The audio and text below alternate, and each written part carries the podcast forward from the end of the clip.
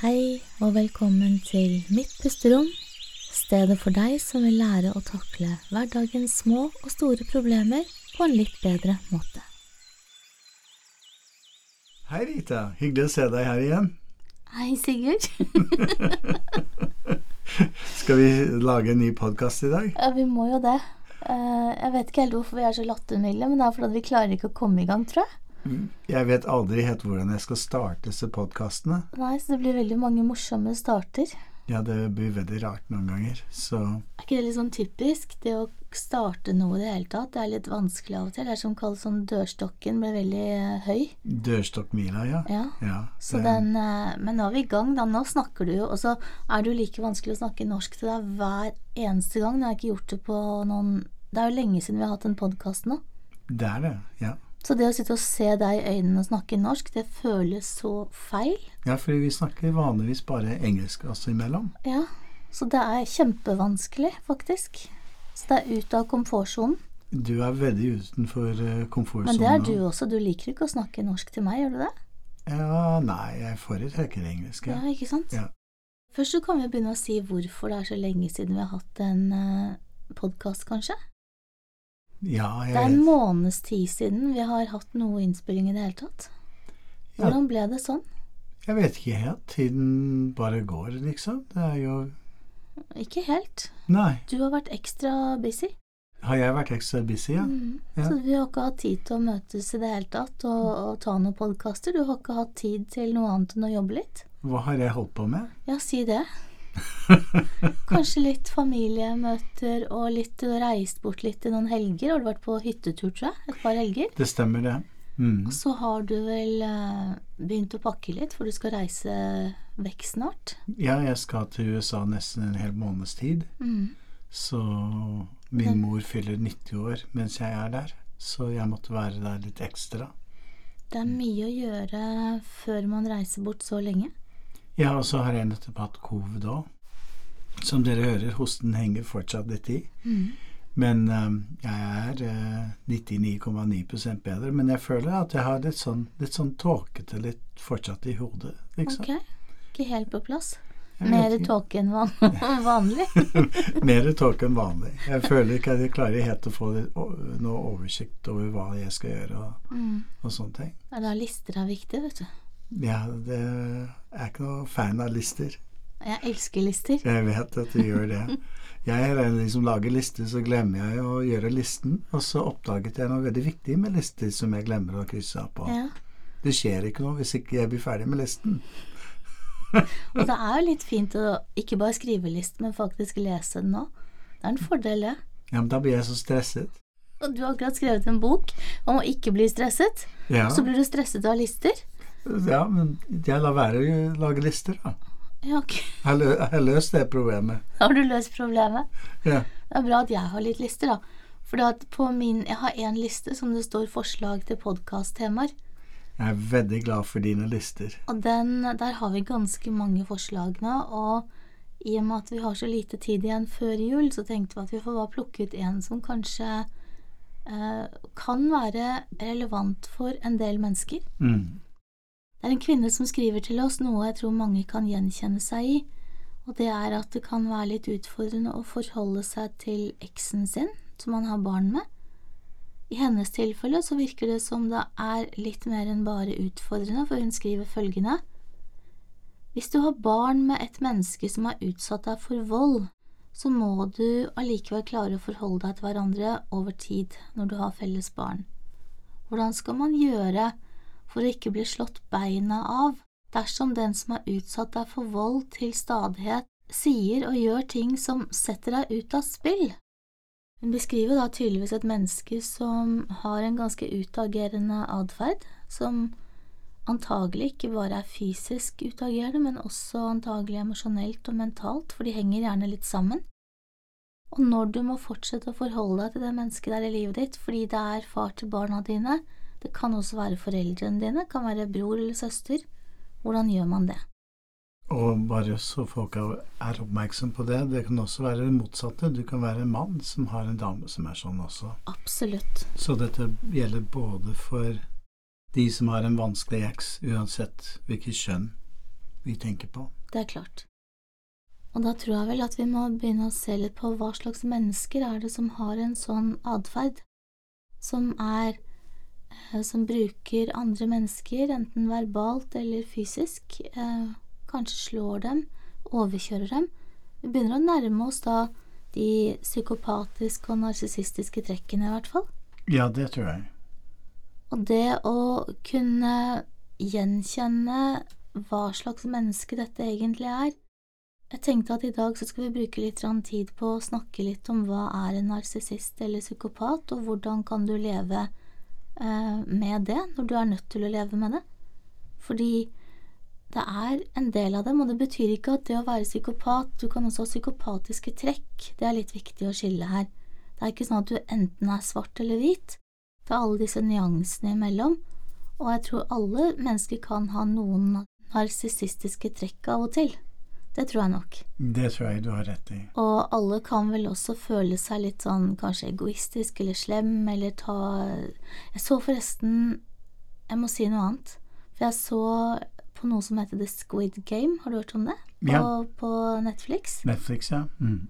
Og det var ganske fascinerende å se hvordan de kom seg. Nå er det mye tilfeldigheter her, men det er også et sånt spill som kanskje kan få ut litt av det verste i mennesker, eller det beste. Og der ser man det ganske fort, og når et menneske har vist seg fra sin sanne side, når det har blitt skvist litt, så tror jeg du må velge å tro på det. Så hvis din eks da har vist seg fra en dårlig side mange ganger, så er det veldig dumt å håpe og tro at han kommer til å forstå deg hvis bare For da, da kommer dette med forventninger vi snakket om, vi snakket om litt i stad. Det ser vi hele tiden på eh, i praksisen vår, er at vi får folk som kommer inn og sier ja, men han eller hun er så god. Og de oftest disse menneskene kan være veldig sjarmerende, noen av dem, og, og, og kan vise seg frem som en person som virkelig angrer på det de har gjort, ber om unnskyldning, de skal aldri gjøre det igjen. Og noen har ikke den kapasiteten engang, men for de som har det, så lager man hele tiden sånne falske forventninger. Jeg tror litt av grunnen til hvorfor vi, vi gjør det, er at mennesker er seg selv nærmest. Det vil si at eh, eh, vi, vi har en tro på at mitt verdensbilde, hvordan jeg oppfatter mennesker, er lik alle andre mennesker. Og så blir vi veldig overrasket når eh, folk er veldig forskjellige fra oss. Og det som er viktig å tenke på også, er at de med psykopatiske trekk, de vil jo gjerne gå etter de som er lette bytter. Det vil si de som er empatiske, forståelsesfulle, vennlige, de som har lyst til å tilrettelegge, de som liker at du har det bra. Eh, og dermed så er det lett at de snille blir fort litt utnyttet av de som har psykopatiske trekk, da, som denne mannen som hun beskriver, høres ut som han har for å kunne holde på sånn over tid. Men igjen, det er alltid en grunn til at folk gjør som de gjør. Og hvorfor han gjør som han gjør, eller hvorfor et menneske slår, hvorfor det er som det er, det er en annen diskusjon som ikke vi kan ta nå. Vi skal bare si hvordan forholder du deg til et menneske som ikke tar hensyn. Og det vi første vi sier, da, er vel egentlig at du skal gjenkjenne tegnene, og hvis du tror at du har å gjøre med en narsissist eller en psykopat, så google litt. Ta en sjekkliste, og vær helt ærlig med deg selv og se om du kan kjenne igjen noen av de trekkene. For alt sammen starter jo med at du må få en oversikt, eh, og du må tørre å se sannheten i øynene, det er ofte litt ubehagelig. Det kan være veldig ubehagelig å anerkjenne hvem den personen du har tross alt vært veldig forelsket i. Eh, En annen ting som kan gjøre det veldig vanskelig å gjennomskue personen, er at mange av disse menneskene er veldig gode på å spille på samvittighet og få deg til å føle det er din feil, alt som har skjedd. Så du sitter fast i et sånt indre spindelvev av min skyld, men eh, jeg skulle bare gjort det sånn og sånn og sånn, så hadde ting fungert.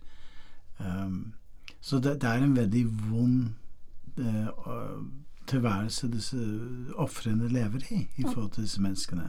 Og det er jo nettopp fordi at psykopatene og narsissistene de er veldig gode til å manipulere mennesker. De er ofte smarte. Uh, skal vi skille de litt, kanskje? Hva er en psykopat kontra en narsissist? Så en narsissist oftest har veldig behov for uh, en sånn anerkjennelse hvor fantastisk de er. De har også veldig lite empati, men de har veldig behov for den oppmerksomhet, hvor spesiell og flott de er. En psykopat har kanskje enda mindre empati. De har veldig lite um, skyldfølelse, hvis de har det i det hele tatt. Og det er veldig manipulerende, og det kan være veldig sjarmerende. Jeg vet ikke om en narsissist kan være like sjarmerende som en psykopat, og dette er jo egentlig grader av, da. Mm. Eh, og som vi sa, oftest er det kanskje mer riktig å tenke på det i forhold til trekk, da. Mens en sosiopat, de har jo eh, ikke noe forhold til sosiale normer eller andres rettigheter. Eh, de kan være litt mer impulsive enn eh, psykopatene. Eh, en psykopat kan være veldig beregnende, mens kanskje en narsist er mye mer needy i den forstand du må, du må elske meg, du må se meg, du må opphøye meg. Mens en, en sosiopat kanskje ligner mer på en narsissist enn en, en, en, en uh, typisk psykopat. Ingen av disse merkelappene er diagnoser, bortsett fra narsissisme, tror jeg. Jeg tror bare det er viktig å understreke også at psykopatene har faktisk ikke evne til empati i det hele tatt, og de fremstår jo ofte mye kaldere, de er egentlig mye kaldere, mens narsissistene kan være litt sånn lettere å vippe av pinnen, de kan bli mer utagerende reaktive. For de er egentlig i bånden så er en narsissist kjempeusikker, og trenger konstant anerkjennelse og, og støtte og heiarop for å klare å fungere bra. Mens en psykopat slash sosiopat, vi kan snakke litt om forskjellene der etterpå, de eh, er mye mer opptatt Eh, av kontroll og holder seg litt mer på utsiden. De er ikke så opptatt av hva andre mennesker mener om dem i det hele tatt. For vi kan egentlig ta skille de to begrepene litt også, for de brukes jo ofte om hverandre, sosiopati og psykopati. Og som du sa, det er ikke noen diagnose, det heter en antisosial personlighetsforstyrrelse. Mm. Så det er bare ord som brukes, og kanskje misbrukes, ikke minst. For det er mange som sier at 'å, han er helt psykopat'. Det blir kanskje å bruke det litt for, uh, for løst.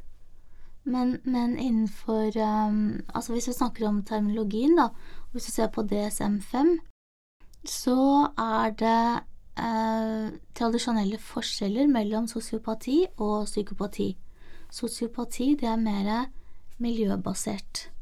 Det vil si at uh, det blir sett på som et resultat av miljøpåvirkningen du hadde som, som liten eh, oppvekstvilkår, traumer og den type ting. Og så har du en impulsivitet som sosiopatene har. De er veldig impulsive.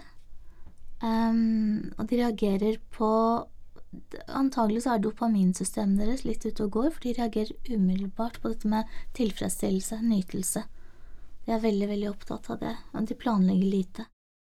Sosiopater kan også ha mye mindre evne til å manipulere følelser hos andre, selv om de kan også være voldelige og aggressive.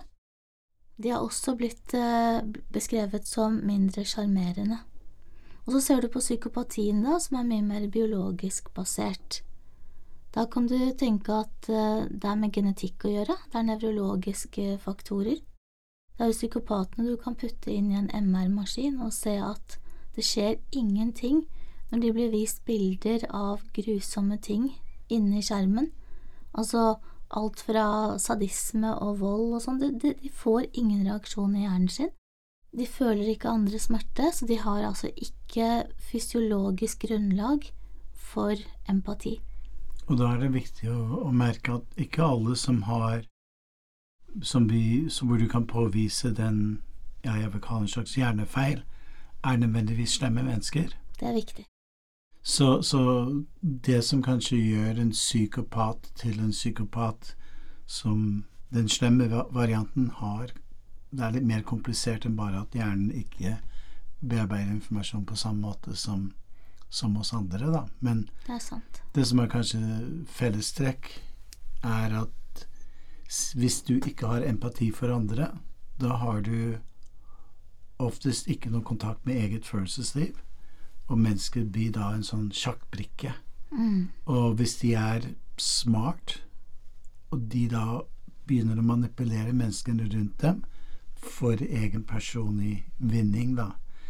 Og, og det som Det er den forskjellen der som har så, Som er en veldig stor forskjell med f.eks. en sosiopat eller en narsissist. Mm. For psykopaten bruker den menneskehjernen til å planlegge, uh, gjennomføre det de ønsker. Uh, de, de tenker langsiktig, og så videre, videre, og så videre. Mm. Um, og, og vi mistenker at uh, mange næringslivsledere kan falle innenfor den kategorien. Fordi uh, oftest for dem mennesker Hva som skjer med et menneske, er ikke så viktig, bare så lenge de når de målene de selv ønsker å nå, da. Det er akkurat det. Og da psykopatene kan jo være kjempesjarmerende. De kan jo gå inn og ta et rom med storm, og, men poenget er at de kan like fort snu ryggen til deg. Og plutselig backstabbe deg litt, rett og slett. Hvis det er det som tjener dem. var det som jeg så på The Squid Game. Syns det var veldig fascinerende å sitte og se på hvordan folk eh, fikk frem nesten psykopaten i seg. Et par av dem, i hvert fall. Det var, det var gøy å se. Så hvis din ekspartner er mer en narsissist, så vil det å miste eh, barna og ha dem i sitt liv, det vil være en veldig vond ting for dem å oppleve, fordi barna oftest opphøyer foreldrene, og de føler seg spesielle, de føler seg Uh, og, og barna gir dem veldig mye i forhold til en bekreftelse de, de søker etter. Men med en gang barna begynner å bli litt vanskeligere å vokse til, da er det ikke så veldig interessert eller interessant å ha med barna å gjøre igjen, eh, lenger. Um, mens en, en psykopat, de kanskje være egentlig veldig, har veldig lett med å bare gå fra familier og barn. De, de bryr seg ikke. Eh, så de eneste grunnen til hvorfor de kanskje vil holde kontakt med barna, er at hvis de tror det kan være formålsfortjenlig for dem i en annen arena. Så hvis barna er veldig flink til noe, la oss si du har en barn som har talent for musikk eller fotball, da er de interessert i å holde kontakt, for det kan skape kontakter for dem i en annen arena i livet. Så har det noe med sosial status, da. Å føle at man kanskje blir sånn stor og flink, og sønnen min er jeg vet ikke, sønnen min eh, jobber som flyver, ikke sant, eller eh, jeg får gratis billetter, eller hva det enn måtte være. De bruker ofte de menneskene rundt seg ganske mye. Mm. Også veldig vanlig. Snakker om psykopaten igjen. Ja, mens en narsissist kan være opptatt av det, men det er mer det at sønnen må eller datteren må gi dem direkte ros for hvor flinke og spesielle de er som, som mor eller far. Og helst gjøre det foran andre også. Det Ja. å bli anerkjent foran andre, vokse foran andre. Ja. Så for en narsissist så vil det f.eks. en utvelgelse på jobben og en forfremmelse, eller at man blir tatt opp på en scene, kanskje, hvor alle ser på deg og ser så flink du har vært, det er jo en fantastisk følelse. ja. Det kan gå oss litt uh, vill, for det er så mye å si om, det, om dette stoffet. Men hvis vi skal gjøre det litt praktisk, så det er en veldig bra bok som heter Dangerous Personalities av Joe Navarro. Sikkert farlige personligheter på norsk. Eh, Joe Navarro, tidligere FBI-ekspert. Eh, veldig, veldig, veldig, veldig bra kobling med narsissister, Machiavelli og psykopater. Han snakker om det, den mørke triaden da, som er disse. Men nå skal vi forholde oss ikke til Machiavelli, vi skal ikke gjøre det enda vanskeligere. Men uansett hva slags mennesker du har rundt deg som er utfordrende, så er dette med grenser noe av det aller, aller, aller viktigste. Du må være tydelig på dine egne grenser, og du må ikke gi deg på det. Fordi menneskene rundt, de vil forsøke, nå snakker vi om de dårlige, som, eller psykopater, narsissister, De vil forsøke å manipulere og bryte ned grensene dine, fordi da har de kontroll. Og når de føler at de har kontroll, så er det nesten som å hive bensin på et bål som allerede brenner, og de syns det er så deilig, de syns det er så fint at du reagerer. Og så er det da en som har blitt utviklet noe som heter den grå sten-metoden. Ja, den hadde ikke jeg hørt om før vi begynte å researche det programmet nå i dag. Nei, fordi den grå sten Jeg har lest en del om narsissisme. Jeg vet ikke hvem som utviklet den grå sten-metoden, men i hvert fall alle som jobber med narsissisme, de refererer til, til den i stor grad. Og det er veldig enkelt, det er en strategi for å håndtere narsissister og psykopater. Og det handler rett og slett altså som en grå sten, det er ganske kjedelig. Eh, det handler om å begrense følelsesmessig respons, og at man skal unngå å ha så mye deltakelse med enkeltindividene. Målet er jo bare at du reduserer narsissistens evne da, til å påvirke deg, og kunne eh, påvirke deg emosjonelt, og kunne påvirke og manipulere situasjonen. Og hvordan gjør vi det sånn i praksis? Vi skal gi noen helt konkrete tips til deg som spurte om dette. Eh, minimal respons er det første, og det vil si at du skal begrense den følelsesmessige responsen du får. Ikke noe sterke følelser.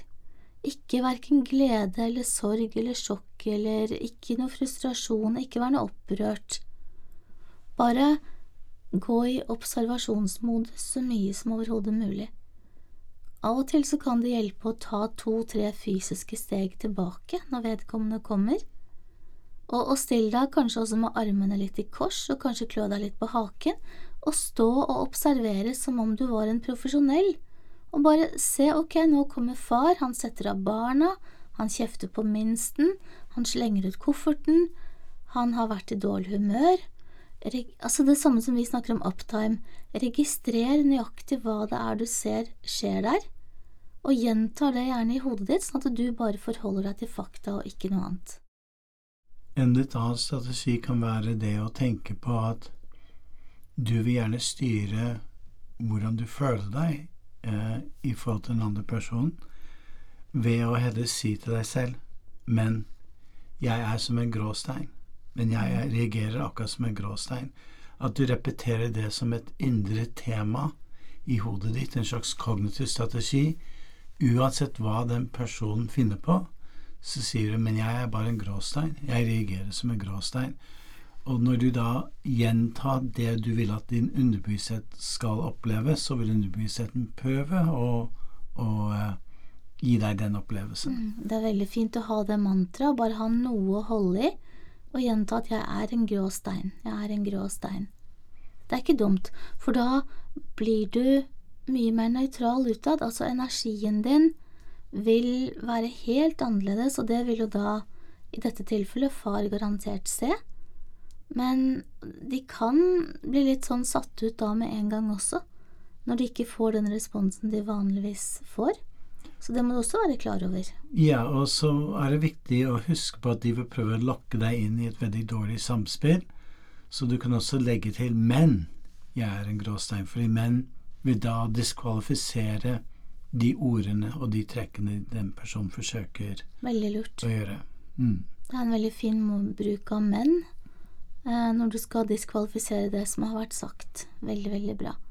Og så er det det å selvfølgelig unngå konfrontasjoner, selv om vedkommende sier eller gjør noe som du syns er helt håpløst, så lenge det ikke handler om sikkerheten til barna eller andre ting som er ekstremt viktig, som har med liv og helse å gjøre. Så bare ok, du, du er sint, ok, det gikk galt, ok, bare hør dem ut, men ikke begynn å si ja, men du skulle ha vært her for en halvtime siden, nå kommer du for sent igjen. Ikke hisse opp til noen konfrontasjoner, bare vær glad for at barna er kommet hjem helskinnet. Si takk for nå, ha en fin dag, og så går du inn.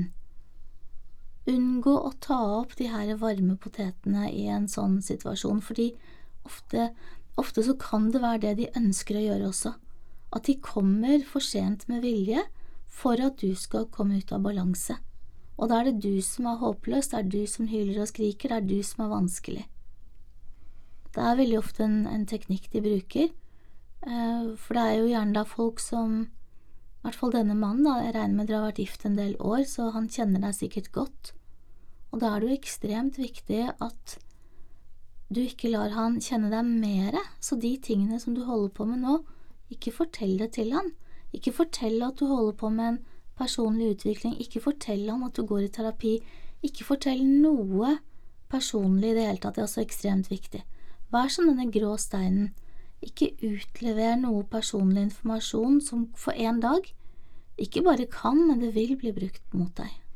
Husk på at veldig oftest vold er ikke det første mennesket tyr til. Det eskalerer over tid gjennom det dramautspillet at de beskylder deg for å komme for sent, selv om det var de som kom for sent.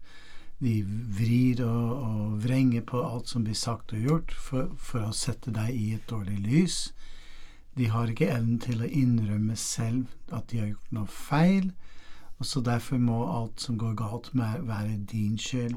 Og når du da prøver å forsvare deg, eller svare igjen, så begynner det å eskalere. Og til slutt, hvis personen ikke føler de får kontroll over deg, så kan det eskalere i, i vold.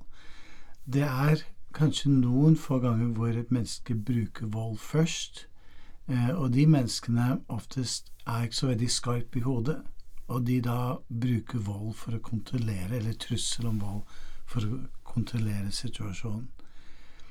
Når de, det kommer an på hva slags voldsbruk det er, men jeg vil anbefale at man da eh, anmelder vedkommende til politiet. Hvis, Absolutt. Hvis det er eh, Ja, uansett hva slags vold det er. Mm, så jeg er helt enig med deg. Mm. Eh, en annen ting også som jeg tenker, dette med Vi er jo bare mennesker, så selv om du da prøver å være en grå stein, og du prøver å se ting utenfra, du gjentar mantraet inni deg, eh, og du forsøker å ikke egge til noe konflikt, så kan det jo hende at du kjenner at det begynner å koke litt inni deg allikevel. For vi er mennesker, vi reagerer. Og det kan hende at du kjenner på uro eller angst eller gamle, gamle triggere som, som gjør at du begynner å skjelve, kanskje du blir tørr i munnen, eller du får en annen fysisk reaksjon. Hvis du kjenner at dette skjer, så gi deg selv en liten pause. Bare fysisk fjern deg fra, fra situasjonen. Si at du skal bare løpe inn på do, for eksempel. Så går du inn, og så står du der, og så puster du, og så, og så sentrerer du deg, stå bredbent, puste godt, og akseptere at du får den reaksjonen du får. Bare si at nå er kroppen min redd, nå skjelver jeg, nå er jeg tørr i munnen. Hva kan jeg gjøre? Litt kaldt vann i ansiktet, drikk et glass vann, puste, se på klokken, vite at det går snart over. Husk på at du har overlevd dette her lenge allerede mange år kanskje. Eh, han drar snart, det går bra.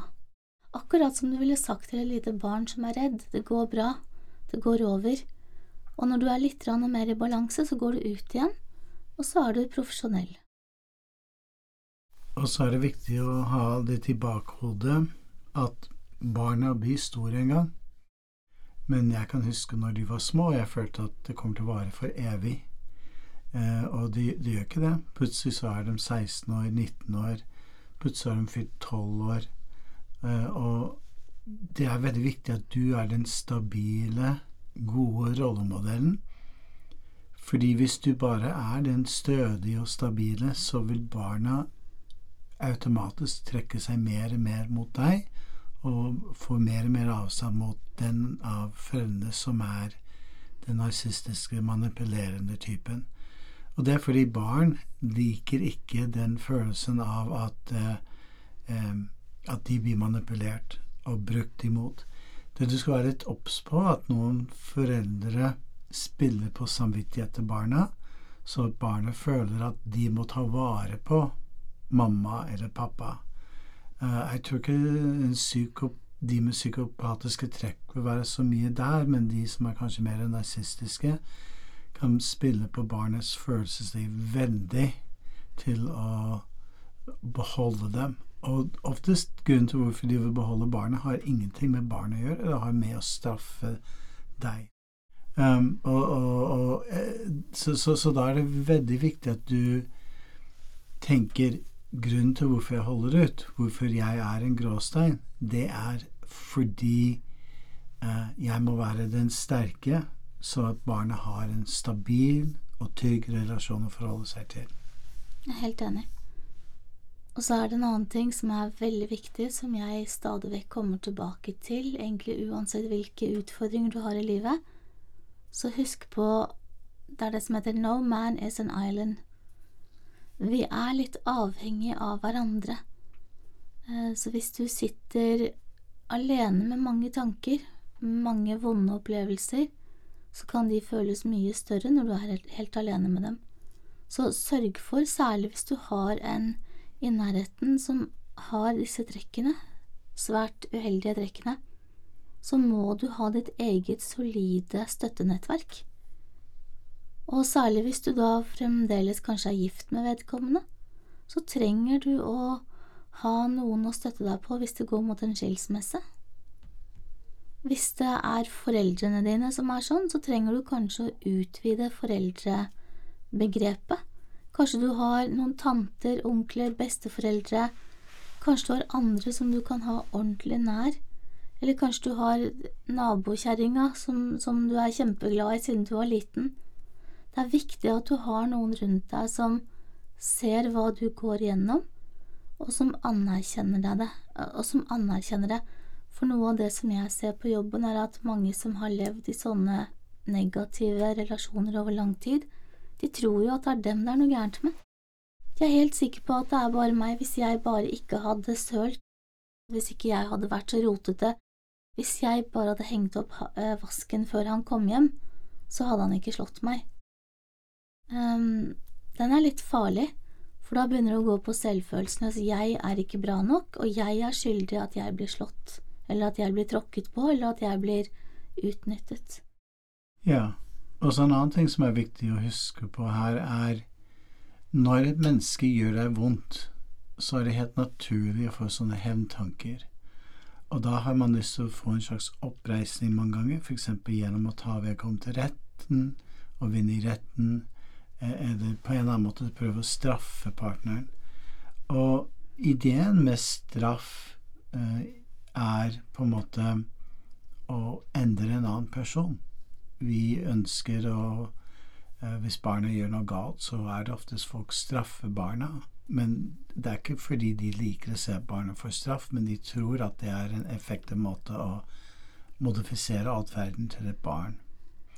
Og det er jo en helt annen podkast vi kan gå inn på. Men, men, jeg vil ikke anbefale det som en hovedoppdagelsesmetode, i hvert fall.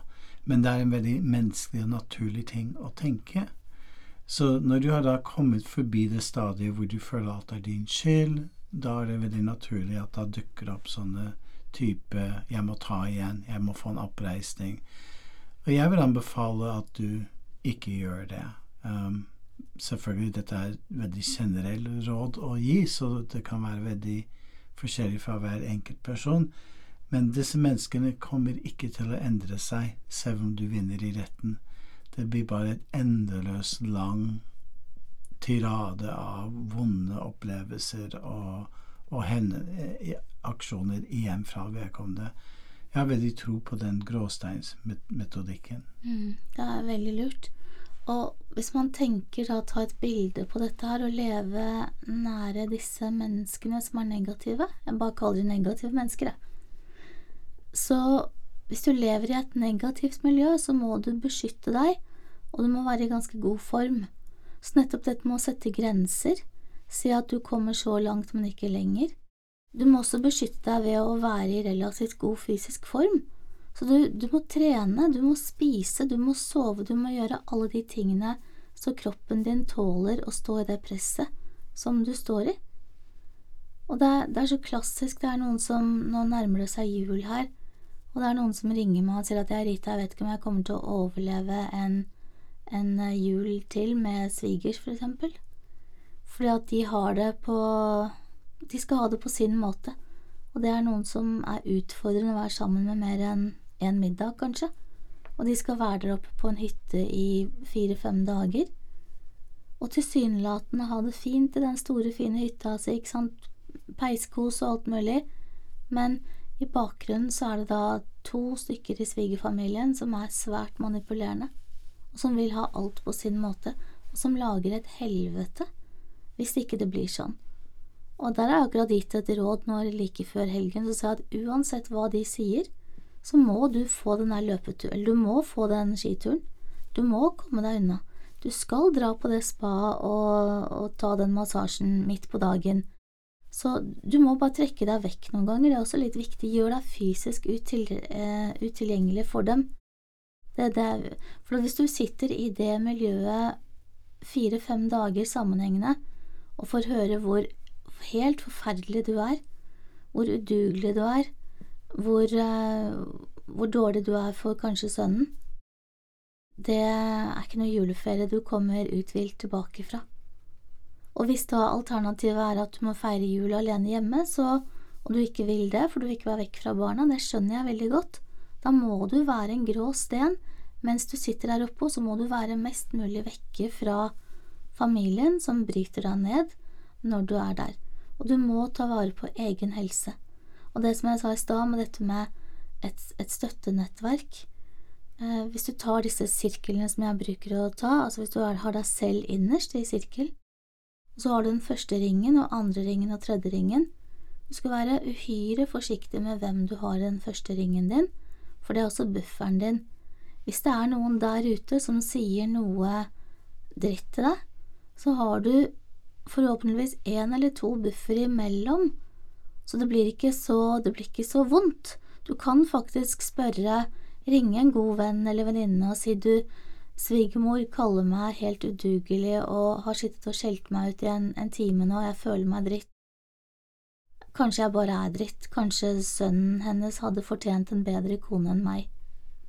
Det er lurt å ha noen imellom å snakke med, noen som forteller deg at du faktisk ikke er så håpløs. Det er veldig, veldig viktig at man ikke tar den, ikke slipper folk for nært inn, med mindre de fortjener det over tid. Og psykopater, narsissister, de må være langt ut i sirklene. De kan fortsette å være en del av livet ditt, men de skal være langt ut. Jeg husker jeg jobbet med en dame som, med to små barn som var i et psykopatisk eller narsistisk eh, relasjon med barnefar. Og så så hun at han hadde en dame han var forbanna på, at han hele tiden terroriserte denne damen, selv om han var i et nytt forhold. Og det var fordi hun gikk ut av forholdet. Mm. Så han klarte ikke den eh, ego eh, nedverdigende egofølelsen han fikk. Så han måtte straffe henne ved enhver anledning. Enten kommentarer på Facebook eller si noe negativt osv., osv. Små stikk, altså? Små stikk hele tiden. Og så hadde hun da klart å komme ut av forholdet med denne, denne mannen uten at han dreiv og angrep henne. Og så ble jeg selvfølgelig nysgjerrig og spurte ja, hvordan fikk du til det, da? Så sa han jeg brukte to år på å være Hun brukte, ord, brukte ikke ordet gråstein, men det å jeg, jeg ga ikke så veldig mye reaksjon. Jeg bare var veldig tålmodig og sa yes dear, no dear, Eh, og stort sett bare jattet med. Og til slutt så begynte hun å bli lei av meg. Og, og eh, han ble lei av det forholdet, for det var ikke noe drama for han, det, var, det skjedde ingenting. Så han fant seg en ny dame. og det er også en veldig god, uh, god strategi, det å bli totalt uinteressant. Ja. Vær uinteressant. Ja. For da Hvorfor skal de være så opptatt av å få oppmerksomhet fra deg som er så uinteressant? Og da var det helt greit at de slo opp. Ja. Og da var det helt greit at han hadde barna minst mulig, fordi da ble det plutselig ikke en sånn egogreie for han. Det var faktisk greit at han hadde nesten ikke noe omgang med barna, for da kunne han bruke mesteparten av tiden sin Den nye kjæresten. Med, med nye kjæresten. Og de gangene han hadde kontakt med barna, det var, dette var en vedstående mann, så da kunne han ta dem på veldig flotte turer hvor han hadde minst mulig med dem å gjøre fordi han skulle plassere dem. Så jeg tror barna hadde egentlig helt ok med disse minimal kontakt med en, mm. en rik far. De fikk bare noen fine turer? De fikk noen fine turer. Mm. Men jeg syns det var veldig beundringsverdig av denne damen hvordan hun kunne bruke faktisk to år og komme ut av et veldig dysfunksjonell relasjon, da. Men det kan ofte ta flere år å komme ut av det. Det er ikke tvil om det. Du må huske på at eh, de fleste også blir jo så slitne, så det var jo virkelig beundringsverdig det du sier, at hun fikk det til, fordi det er mange som blir så slitne eh, når de holder på med det, så de har ikke energien til å kunne tenke klart engang. De går bare rundt i et sånt evig overlevelsesmodus. Og når du tror at du blir angrepet, du tror at du er i fare, så blir du jo bare reaktiv, og det er jo bare det limbiske systemet, den gamle reptilhjernen vår, på en måte, som da står og fyrer og fyrer og fyrer og fyrer, for den er livredd, og det handler om å overleve. Så det å først å bli en grå sten, og så bruke tid, og så unngå så mye drama som overhodet mulig, mens du samtidig lager en liten strategi for å holde deg selv i fysisk, mental og emosjonelt god form. Alle som lever i sånne relasjoner, de må i hvert fall gå i terapi. Ekstremt viktig. Så de klarer å se sin egen eh, rolle oppi det hele, og se hvordan de utvikler seg, om det går feil eller riktig vei. Eller da dette ha dette støttenettverket med venner som faktisk tør å si akkurat hva de mener til deg. Og bruk da tid, og vit at barna blir større, og den som er trygg og stabil og rolig over tid, er den som på en måte vil vinne i det lange løp. Forsøk også å ha et bra forhold til barna dine som er rent, det vil si, ikke skyld på ungene dine fordi at de har den faren. Jeg har hørt så mange ganger åh, nå gjør du akkurat som faren din, eller nå ligner du helt på mora di. Det er det verste du kan si til et barn hvis, du, hvis barnet vet at du hater den andre forelderen, og du sier at nå ligner du på han eller henne. Det er som å stikke ungen din i hjertet. Og det er så mange som sier det. For de er frustrerte, de liker ikke de personlighetstrekkene, men du kan ikke si det til barna dine. Det er, det er farlig. Enig. Veldig enig. Nå har vi vært innom mange løsninger, kanskje én ting vi skal si helt til slutt. Hvis du må være i nærheten av en narsissist eller psykopat, forhold deg til dem, så sett grenser og forhold deg til det dere praktisk må gjennomføre. Skriv lister, og gjør det så mye skriftlig som mulig. Ha en skriftlig dokumentasjon på ting. Og hvis ting er helt forferdelig, så skriv opp hva som har skjedd. Eh, ta gjerne film, ta gjerne lydopptak, altså sånn at du har det ikke bare for eventuelt hvis du går til retten, men for din egen, hva heter det, sanity. For det er lett at man glemmer eh, når det er veldig vonde ting. Ha et profesjonelt forhold til eksen din. Tenk at det er som en kollega som du er nødt til å forholde deg til på jobben. Eh, du må være høflig, eh, og du skal ikke begynne å kaste masse skitt. Du skal bare være en grå sten. Helt enig. Mm. Mm. Et tungt tema sånn like før jul, men kanskje viktig, for det er jo det fins en del av disse litt negative menneskene der ute. Ja, det er veldig mange mennesker som sliter, enten fordi de har blitt sånn gjennom en oppvekst som, som kanskje har gått i sosial arv i mange, mange generasjoner, eller at de har en eller annen nevrologisk skavank som gjør at de ikke prosesserer inf informasjon på samme måte som, som, folk flest. Og da er det veldig viktig å, å ha en, en, noen strategier, sånn som vi har snakket om nå i dag, og ha riktige forventninger Eh, og ta vare på deg selv oppi det hele. Og jeg også kan uh, støtte Rita i den tanken på å finne en god terapeut, og gjerne et godt miljø hvor du kan få litt støtte fra mennesker som står deg nær. Det er veldig viktig i det miljøet der at det er ikke folk som syns så fryktelig synd på deg, og stakkars deg som har det sånn, men et miljø hvor folk støtter hverandre og kanskje søker eh, løsninger. Og så er det veldig viktig at i det miljøet er at det er mennesker du kan stole på 100% fordi du ønsker ikke at det du forteller, blir da gjenfortalt til partneren din. Mm, det er veldig viktig. Så ta vare på deg selv og omgi deg med gode mennesker i førjulstiden og ikke minst videre inn i 24. Håper at neste episode blir litt sånn litt gladere, kanskje. En glad og leken jul høres fantastisk ut, og husk på at for de av dere som har barn, lek mye med barna Ikke frem minst. til neste gang du hører på podkasten Og nå er det kram snø ute, så nå kan vi lage snømann. Eller engler. Eller ha snøkrig. Eller ja, hva mer kan man gjøre? Engler? Jo, gå på ski? Ja, Man kan lage snølykter, man kan gå på ski, man kan ake. Man kan Det er hundre ting å gjøre. Kos deg i hvert fall der du er. Snø eller ikke, så høres vi om ikke så altfor lenge. I hvert fall mindre enn en måned. Vi gleder oss.